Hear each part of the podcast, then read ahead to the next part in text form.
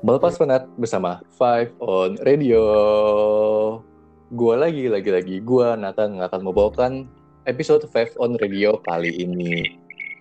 Episode kali ini kita kedatangan tamu dari Expool Pick Air. Dong, kita perkenalkan dulu. Halo semua, kenalin nama aku Najma Zahira dari Excool Pick Air. Halo, aku Nabila Handayani dari Excool Pick Air. Oke, oke. Excool Pick Air. Pick Air itu kira-kira jelasin dikit dong, Pick Air itu apa ya?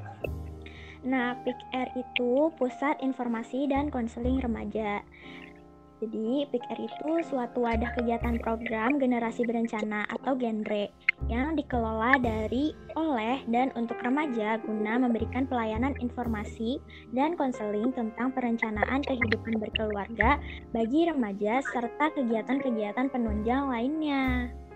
Hmm, oke, oke, oke, oke. Ternyata pikir itu lebih ke kayak konseling gitu bukan sih? Iya, benar banget.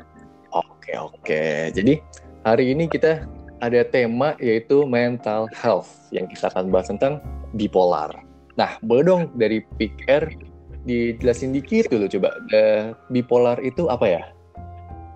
Nah, jadi bipolar itu suatu gangguan yang berhubungan dengan perubahan suasana hati mulai dari posisi terendah depresif atau tertekan ke tertinggi atau manik. Hmm, oke okay, oke okay, oke okay, oke. Nah, orang yang punya bipolar disorder itu punya dua episode nih. Yang pertama itu ada manik. Biasanya penderita menjadi terlihat sangat bersemangat, energi, dan bicara cepat. Sama yang kedua itu ada depresif. Nah, biasanya penderita akan terlihat sedih, lesu, dan hilang minat terhadap aktivitas sehari-hari.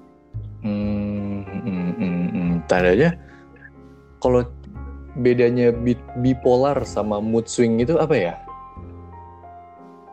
Kalau mood swing itu lebih ke perubahan suasana hati atau keadaan emosional secara mendadak. Bedanya bipolar disorder sama mood swing itu ada di durasinya. Kalau mood swing dalam sehari, kamu bisa diganti beberapa mood kan? Tapi kalau bipolar, tiap episodenya bisa berlangsung selama beberapa hari sampai beberapa minggu. Misalnya manik dua minggu jadi penderita bisa energi energi energetik terus sampai dua minggu nonstop terus nanti switch ke depresif dua minggu. Hmm, oke oke oke oke. Tapi kalau buat gejalanya nih, gejala bipolar tuh kira-kira gimana ya? Nah, kalau manik dapat mencangkup gejala seperti energi tinggi, jam tidur yang kurang, dan sering berhayal. Sedangkan depresif dapat meliputi gejala seperti energi rendah, motivasi rendah, dan kehilangan minat dalam aktivitas sehari-hari. Episode mood terjadi selama beberapa hari hingga berbulan-bulan sekaligus, dan mungkin juga terkait dengan pikiran untuk bunuh diri. Hmm, waduh, ternyata bahaya juga bipolar ini ya. Tapi iya. Di kalangan kita nih ya masih SMA itu kan kita sering banget yang namanya berasumsi sendiri nih ya. Aduh kira-kira gue kena bipolar nih. Nah itu cara langkah pertamanya nih ter yang terbaik kalau kita kayak gitu tuh mesti gimana ya?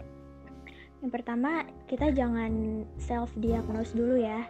Jadi langsung ke psikolog aja. Hmm, oke oke oke. Katanya kita buat kalian yang ngerasa kalau gue punya bipolar, aduh gue kayaknya mood berlebihan, itu jangan berasumsi kalau kalian kena bipolar dulu ya. Kita harus ke psikolog dulu atau yang kalihnya. Oke, okay. uh, eh, kayaknya kurang lebih kita udah dijelasin tentang apa itu pembahasan dari bipolar ya. Ternyata dari episode kali ini kita udah bisa menambah wawasan tentang mental health dan bipolar sama mood itu bedanya apa. Oke, okay.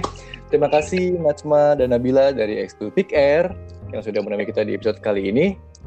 Uh, gue Nathan izin pamit undur diri. Stay healthy, stay safe, and stay happy. Bye-bye.